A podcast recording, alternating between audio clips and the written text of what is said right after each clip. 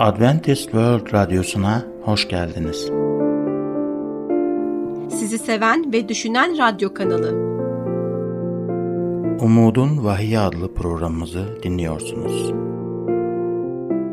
Bugünkü programımızda yer vereceğimiz konular Vahiyin son yedi belası,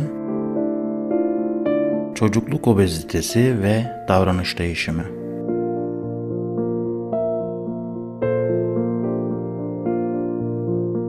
Değerli dinleyicilerimiz, programımıza hoş geldiniz. Bugün vahiyin tarihin en büyük aldatmacısına açığa çıkarması konuyu devam edeceğiz. En son Daniel'in canavarlar hakkında gördüğü vizyondan bahsetmiştik ve güçlerini tüm dünya üzerinde uygulayacak olan küçük boynuz konusunda değinmiştik. Bugün aynı konuyla devam edeceğiz. Bu konuda aklınıza takılan her türlü soruyu cevaplamaktan mutluluk duyacağımız için lütfen sorunuz olursa ya da sadece yazmak isterseniz WhatsApp numaramız olan artı 357 99 786 706 üzerinden bize yazın. John Ide Kutsal Kitap Ansiklopedisi'nin 561. sayfasında bu değişikliğin kökeninin anlamamıza yardımcı oluyor. Kutsal Kitap Ansiklopedisi sayfa 561'de John Eady şöyle yazmış. Şabat dinlenmeye ifade eden İbranice bir kelimeydi. Pazar İngilizceden beraber çevirisiyle güneş günü putperestler tarafından haftanın ilk gününe verilen bir isimdi. Çünkü o gün güneşe taptıkları gündü. Mısır, Babil, İran ve Roma'da güneşe tapınma oldukça yaygındı.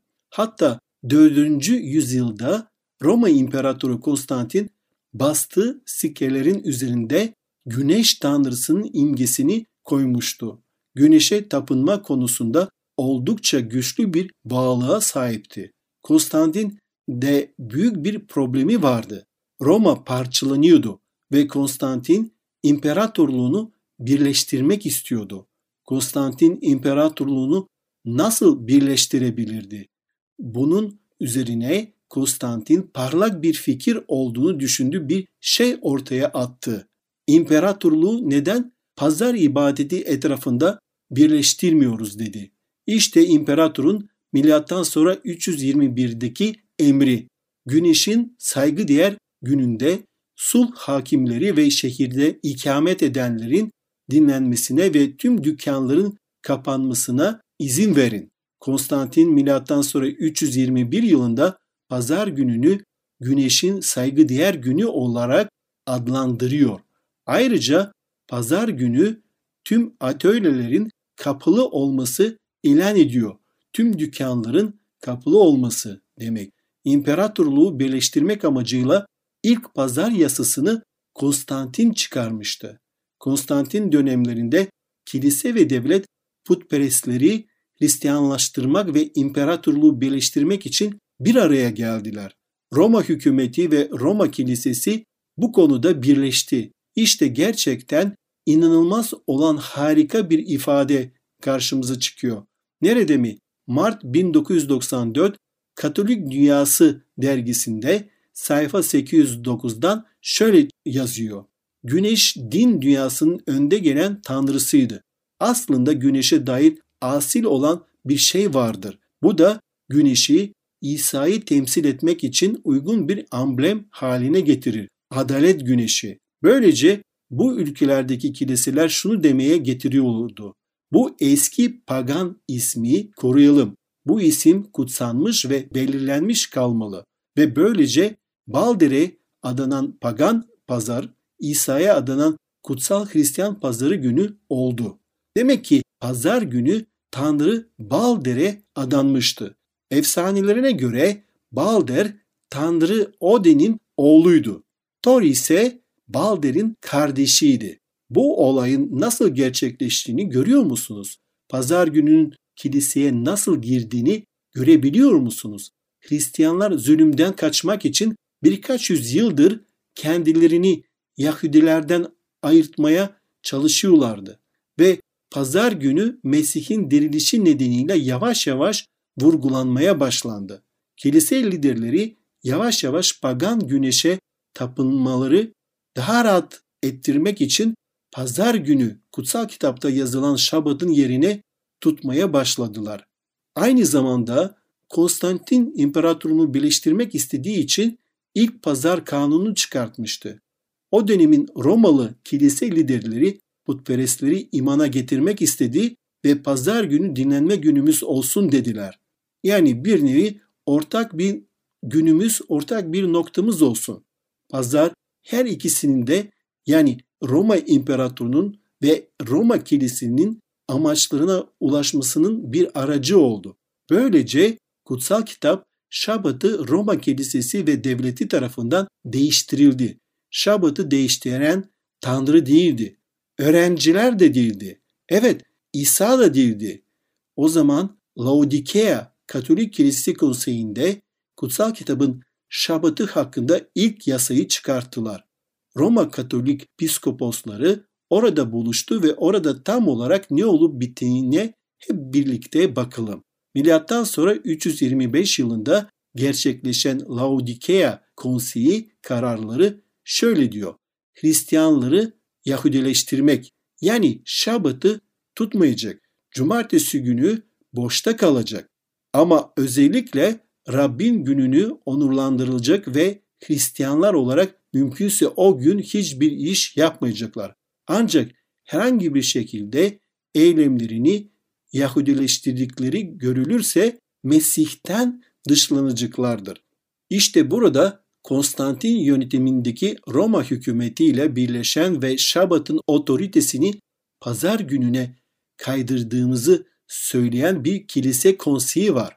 Evet onlar açıkça beyan ediyorlar ve diyorlar ki biz artık pazar günü ibadet edeceğiz ve kim Şabat günü yani cumartesi günü ibadet ediyorsa onları kiliseden uzaklaştıracağız.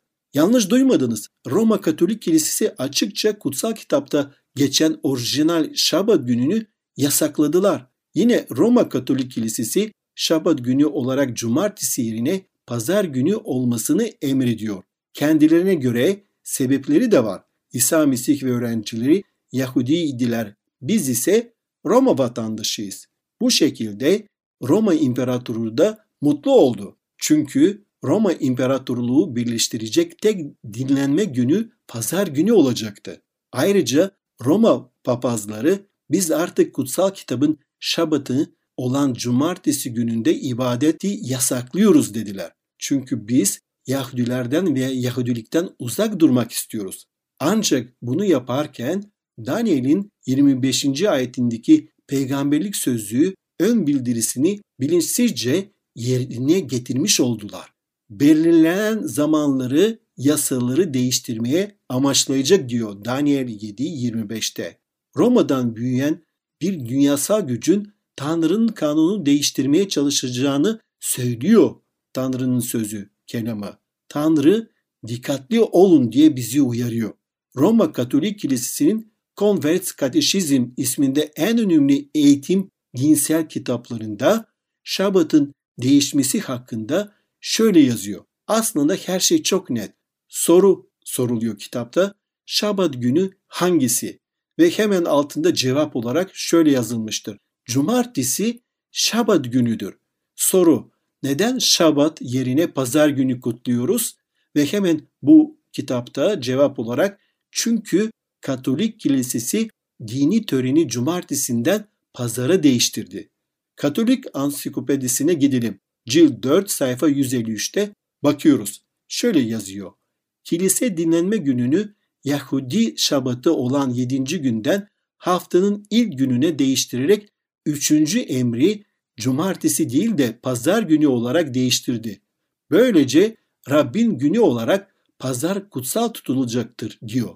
Katolik ansiklopedisi zamanla ilgili emrin Şabat günüyle ilgili buyruk kilise tarafından değiştirildiğini belirtiyor. Bu arada bazıları bu ifadenin üçüncü emre atıfta bulunduğunu fark etmiş olabilir. Ancak Şabat günü kutsal kitapta dördüncü emirdir. Peki bu problemi nasıl çözeceğiz? Çünkü orta çağında Roma Kilisesi de put ibadetini yasaklayan ikinci emri, on emirden ikinci emri tamamen kaldırmıştı. Yani silmişti onu. Yani onu direkt olarak hiç kimse okumasın diye yok etti metinden. Böylece Tanrı'nın yasalarını değiştirmişti ve bunu kendi kateşizm kitabında yayınlamıştı. Ve 10. emir olan aç gözlü olmayacaksın da ikiye böldü ki 10 emirin sayısı tam tutsun. Çünkü 10 emirin sayısından birisini silince 9 oluyor. İnsanlar anlamasınlar diye, farkına varmasınlar diye son emri 10. emri de ikiye böldü. Böylece sonuncu emir 9. ve 10. olarak yazıldı kateşizm kitabında. Katolik olup ve önde gelen bir bilim insanı olan Kral Keating protestanlara meydan okuyan bir kitap yazdı. Katolik ve tutuculuk sayfa 38'de şöyle diyor. Tutucular ibadet için pazar günü bir araya geliyorlar. Ancak kutsal kitapta birleşik ibadetin pazar günleri yapılacağına dair hiçbir kanıt yok. Yahudi şabatı veya dinlenme günü elbette cumartesiydi. Dirilişin onuruna pazar gününün Hristiyanlar için ibadet günü olması gerektiğine karar veren ise Katolik kilisesiydi diyor. Bu Katolik yazarı protestanlara muhakeme yapıyor. Kutsal kitaba uymak istiyorsanız kutsal kitap şabatını tutmanız gerektiğini söylüyor. Direkt onlara meydan okuyor. Kutsal kitaba göre yaşamak istemiyorsanız Tanrı'nın kanunu uygun gördüğü şekilde değiştirme yetkisini özgürce iddia eden Katolik kilisesine de katılabilirsiniz. Bu önde gelen bir Katolik bilim adamı tarafından 1988'in sonlarında kullanılan güçlü bir argümandır. Mesela bir güne karşı bir gün meselesinin çok daha fazlasıdır. Sorun rehberimizin kim olduğudur. Kutsal kitap mı veya şu ve bu kilise mi? Kutsal kitabı mı yoksa gelenek mi? Mesela şu ki herhangi bir insan kiliseye ya da dini insan lideri herhangi bir nedenle ya da nedeni ne olursa olsun taş tabelaların yani levhaların üzerinde Tanrı'nın parmağıyla yazılmış Tanrı'nın kanunu değiştirme yetkisine sahip mi sorusu ortaya çıkıyor. Yani mesele aslında otorite meselesidir. Devam etmeden önce bu konuyla ilgili herhangi bir sorunuz olması durumda WhatsApp numaramız olan artı 357 99 786 706'yı hatırlatmak isterim. Mezmur 89-34'te Tanrı diyor ki anlaşmamı bozmayacak, ağzımdan çıkan sözü değiştirmeyeceğim. Tanrı der ki anlaşmamı bozmayacağım, Sina üzerine konuştuğum ve kendi parmağımla yazdığım kelimeyi de değiştirmeyeceğim. Bu bir yetki meselesi. Sorun Efendinizin kim olduğu meselesidir. İsa mı yoksa kilisenin liderleri mi? İnancınızın temeli nedir? Kutsal kitap mı yoksa insanların söylediği şeyler mi? Manevi konularda otoritenin temeli nedir? Kilise mi, Tanrı'nın isteği mi? Tanrı'nın yaratıcı otoritesinin bir işareti olarak verdiği kutsal kitap şabadından vazgeçmek büyük bir meseledir arkadaşlar. Ben kesinlikle Tanrı'nın Adem bahçesinde Adem'e verdikleri takip etmeyi tercih ederim. Tanrı'nın Musa'ya on emir de verdiği şeyi takip etmeyi tercih ederim. Benim için önemli olan İsa Mesih'in örneğidir. O nasıl yaşadı? O hangi gün ibadet etti? Ya sen? Tanrı Şabat'ın büyük bir işareti olduğunu söylüyor. Bu Mesih'e olan bağlılığımızın bir işaretidir. Dünyamızın yarattığına inandığımız bir işaretidir. Bu onun sözüne uymak istediğimizin bir işaretidir. Bu nedenle dünya tarihinin son günlerinde Vahiy 14-12'de Tanrı'nın sözü şöyle der. Bu da Tanrı'nın buyruklarını yerine getiren, İsa'ya imanlarını sürdüren kutsalların sabrını gerektirir. Dünya tarihinin son günlerinde Tanrı, İsa'yı seven bir grup insana sahip olacak. Hatta insanlar onu o kadar seviyorlar ki ona itaat ediyorlar. Bu konu birkaç gün meselesinden çok daha fazlasıdır. Cennet bahçesinde şeytan havaya ağaç ne fark eder? Bütün ağaçlar birbirine benzer dedi ve Havva bu yalana inandığı için Adem bahçesini kaybetti. Ve bugün birçok Hristiyan bir aldatmacıya inanıyorlar. İnsanlar bir gün ne fark eder? Tüm günler birbirine benzer diyorlar. Söz konusu Tanrı ise bütün günler birbirine benzemez. Bu günlerden yalnızca bir gün yedinci gün olarak Tanrı tarafından kutsandı. Yedinci gün Tanrı tarafından belirlendi ve Tanrı sadece bir gün yani o günde dinlendi. Tanrı'nın seçmiş olduğu gün şabattır. Ele aldığımız konu otorite meselesidir. İtaat meselesidir. Karşımızda sadece iki seçenek var. Hangi seçenek mesela siz seçeceksiniz? Kutsal kitabın söyledikleri mi seçeceğiz veya gelenekleri mi seçeceğiz? Aynı seçimi başka sözle söyleyeceğim. İsa'nın söyledikleri mi yoksa dini liderlerin söyledikleri mi sizin için daha önemli? İsa'nın bize örnek olarak gösterdiği yolu mu takip edeceğiz yoksa dini liderlerin çizdikleri yolu mu ve günü mü takip edeceğiz? Tanrı'nın yasasını mı seçeceğiz veya insanların ve dogmalarını mı seçeceğiz? Tanrı'nın talimatı mı veya insani öğretişleri mi seçeceğiz? Tanrı'nın yolu mu ve insanların yolları mı seçeceğiz? Tanrı şimdi size ve bana şunu diyor. Yeşu peygamber 24-15'te Bugün karar verin. Ben ve ev halkım Rabbe kulluk edeceğim. Bugün evet İsa'yı seçiyorum, onun yolunu seçiyorum. Onun kanununa sevgiyle itaat etmeyi seçiyorum diyebiliyor musunuz? Pazar gününü kutlayan herkesin kaybolduğunu söyleyebiliyor musunuz? Şunu açıklığa kavuşturalım. Pazar gününü tutan herkes kayıp değildir. İsa Mesih'i seven ve pazar günü tutan birçok Hristiyan var. Rabbin onları aydınlattığı kadarıyla onlar yaşıyorlar. Onlar daha fazla şey öğrendiklerinde onu takip etmeye daha da istekli oluyorlar. Dünyanın her yerinde on binlerce kişi Tanrı'nın çağrısını duyuyor ve onun gerçeğine göre yaşamaya başlıyorlar. Bugün evet Tanrım gerçeğini şimdi öğrendim ve Yeşu gibi ben de seni takip etmeyi seçiyorum. Bugün İsa'yı takip etmek istiyorum demek ister misin? İsa bugün seni arıyor. O sizi onun izinden gitmeyi çağırıyor. O sizi ona itaat etmeye çağırıyor. İnancınızın temeli olarak sadece ve sadece onun sözünü kabul etmenizi istiyor. Peki siz de bu çağrıya yanıt vermek ister misiniz? Bugünkü bölümle ilgili herhangi bir sorunuz varsa veya özel bir duaya gerek ihtiyaç duyuyorsanız lütfen hiç çekinmeyin ve hemen bize WhatsApp numaramız olan artı 357 99 786 706'dan veya e-mail adresimiz olan radyo.umuttv.org adresinden ulaşın. Sizi bekliyoruz. Bugünkü konumuzun sonuna geldik. Şimdi sağlıkla ilgili konumuzla programımıza devam edeceğiz. Bizi dinlemeye devam edin. Görüşmek üzere.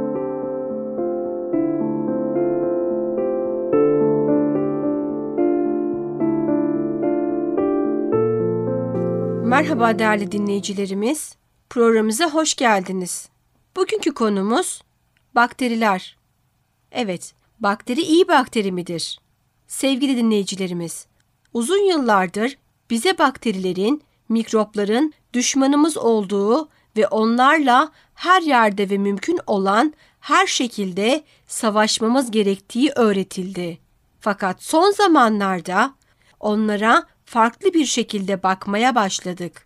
Aslında önceden doğru olduğu zannedilen şeylere yeni bir bakış açıları kazanmak içinde yaşadığımız zamanın ayırt edici bir özelliğidir.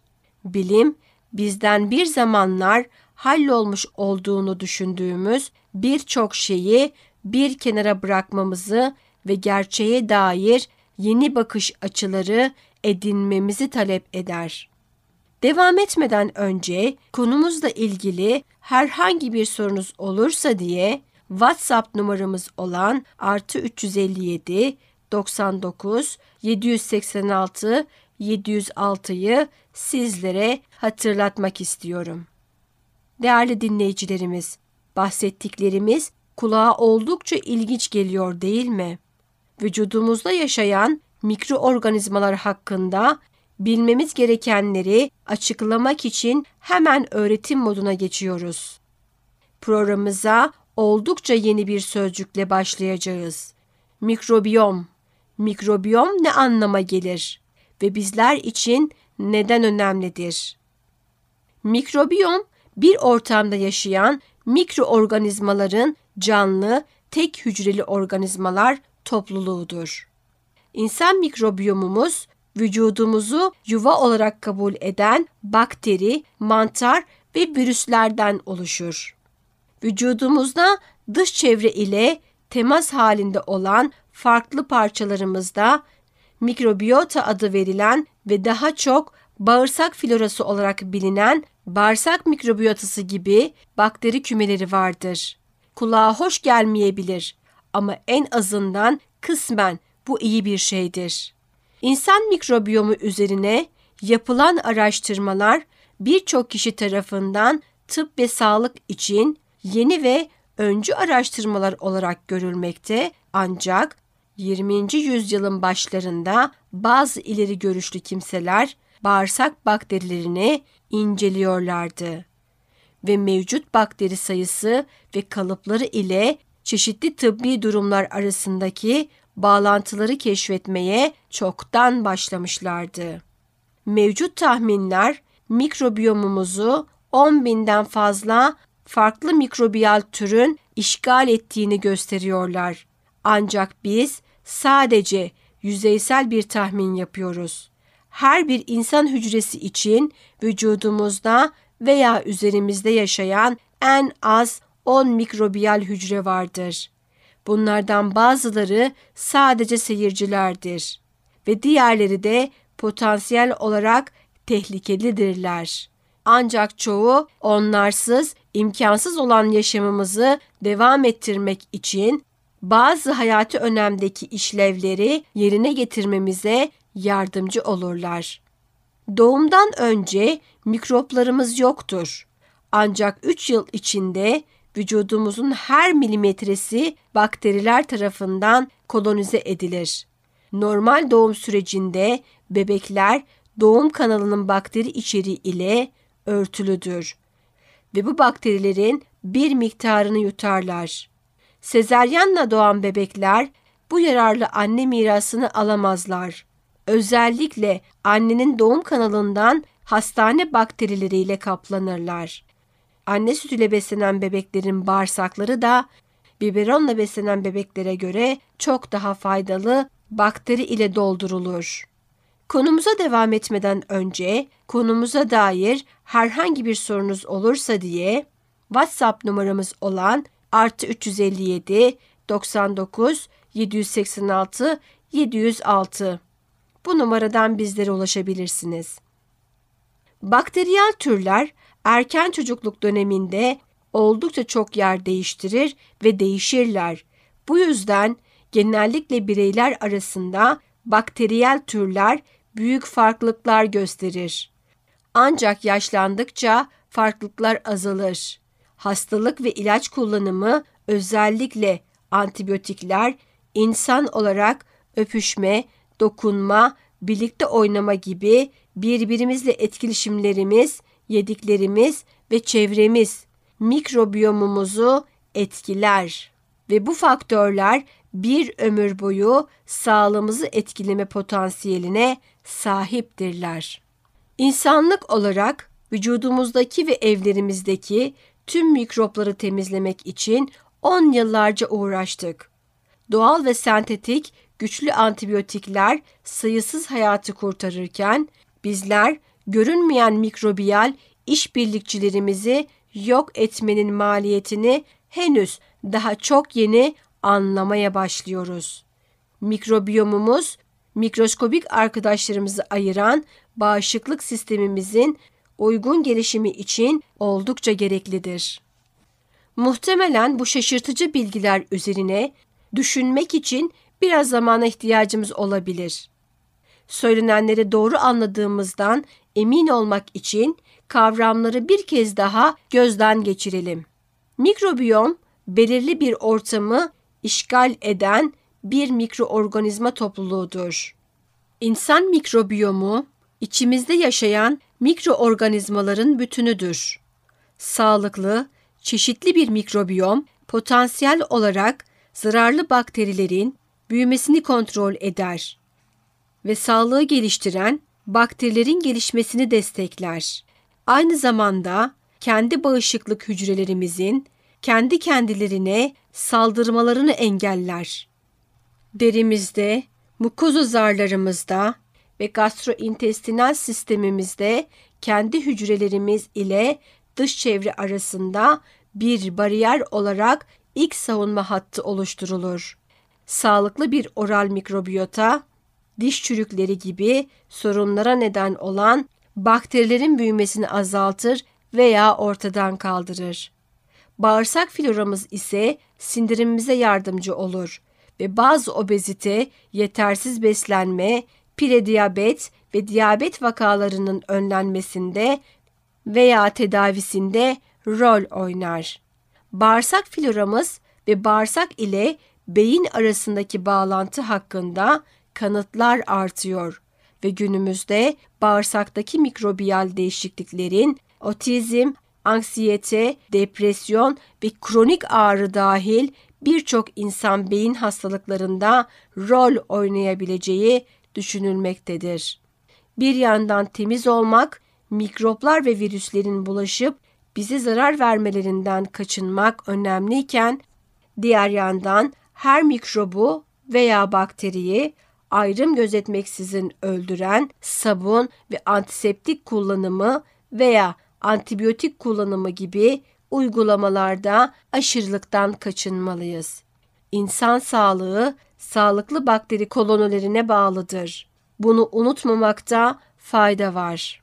Kutsal kitaptaki Vahiy 11.18'de Tanrı'nın yeryüzünü mahvedenleri mahvedeceği bir zamanı bizlere duyurur. Yaratılmışlara ve yaratıcısına saygı duyan bir yaşama geri dönme ve yakında ortaya çıkacak olan yeni yaratılışın bir parçası olmaya hazır olmak gibi bir sorumluluğumuz var. Bundan sonra yeni bir gökle yeni bir yeryüzü gördüm. Çünkü önceki gökle yeryüzü ortadan kalkmıştı. Deniz de yoktu artık. Tahttan yükselen gür bir sesin şöyle dediğini işittim. İşte Tanrı'nın konutu insanların arasındadır. Tanrı onların arasında yaşayacak. Onlar onun halkı olacaklar. Tanrı'nın kendisi de onların arasında bulunacak. Onların gözlerinden bütün yaşları silecek. Artık ölüm olmayacak. Artık ne yas, ne ağlayış, ne de ıstırap olacak. Çünkü önceki düzen ortadan kalktı. Tahtta oturan işte her şeyi yeniliyorum dedi. Sonra yaz diye ekledi. Çünkü bu sözler güvenilir ve gerçektir. Amin. Değerli dinleyicilerimiz, bugünkü konumuzla ya da genel olarak sağlıkla ilgili herhangi bir sorunuz varsa lütfen hiç çekinmeyin. WhatsApp numaramız olan artı 357 99 786 706 üzerinden ya da e-mail adresimiz olan radyo.umuttv.org adresinden bizlere ulaşabilirsiniz. Değerli dinleyicilerimiz, bizi dinlediğiniz için, bizi tercih ettiğiniz için teşekkür ederiz. Bugünkü programımızın sonuna geldik. Sonraki programda görüşmek üzere. Hoşçakalın. Gelecek programımızda yer vereceğimiz konular Vahiyin son yedi belası Çocukluk obezitesi ve davranış değişimi Bugünkü programımızın sonuna geldik. Bir dahaki programda görüşmek üzere. Hoşçakalın.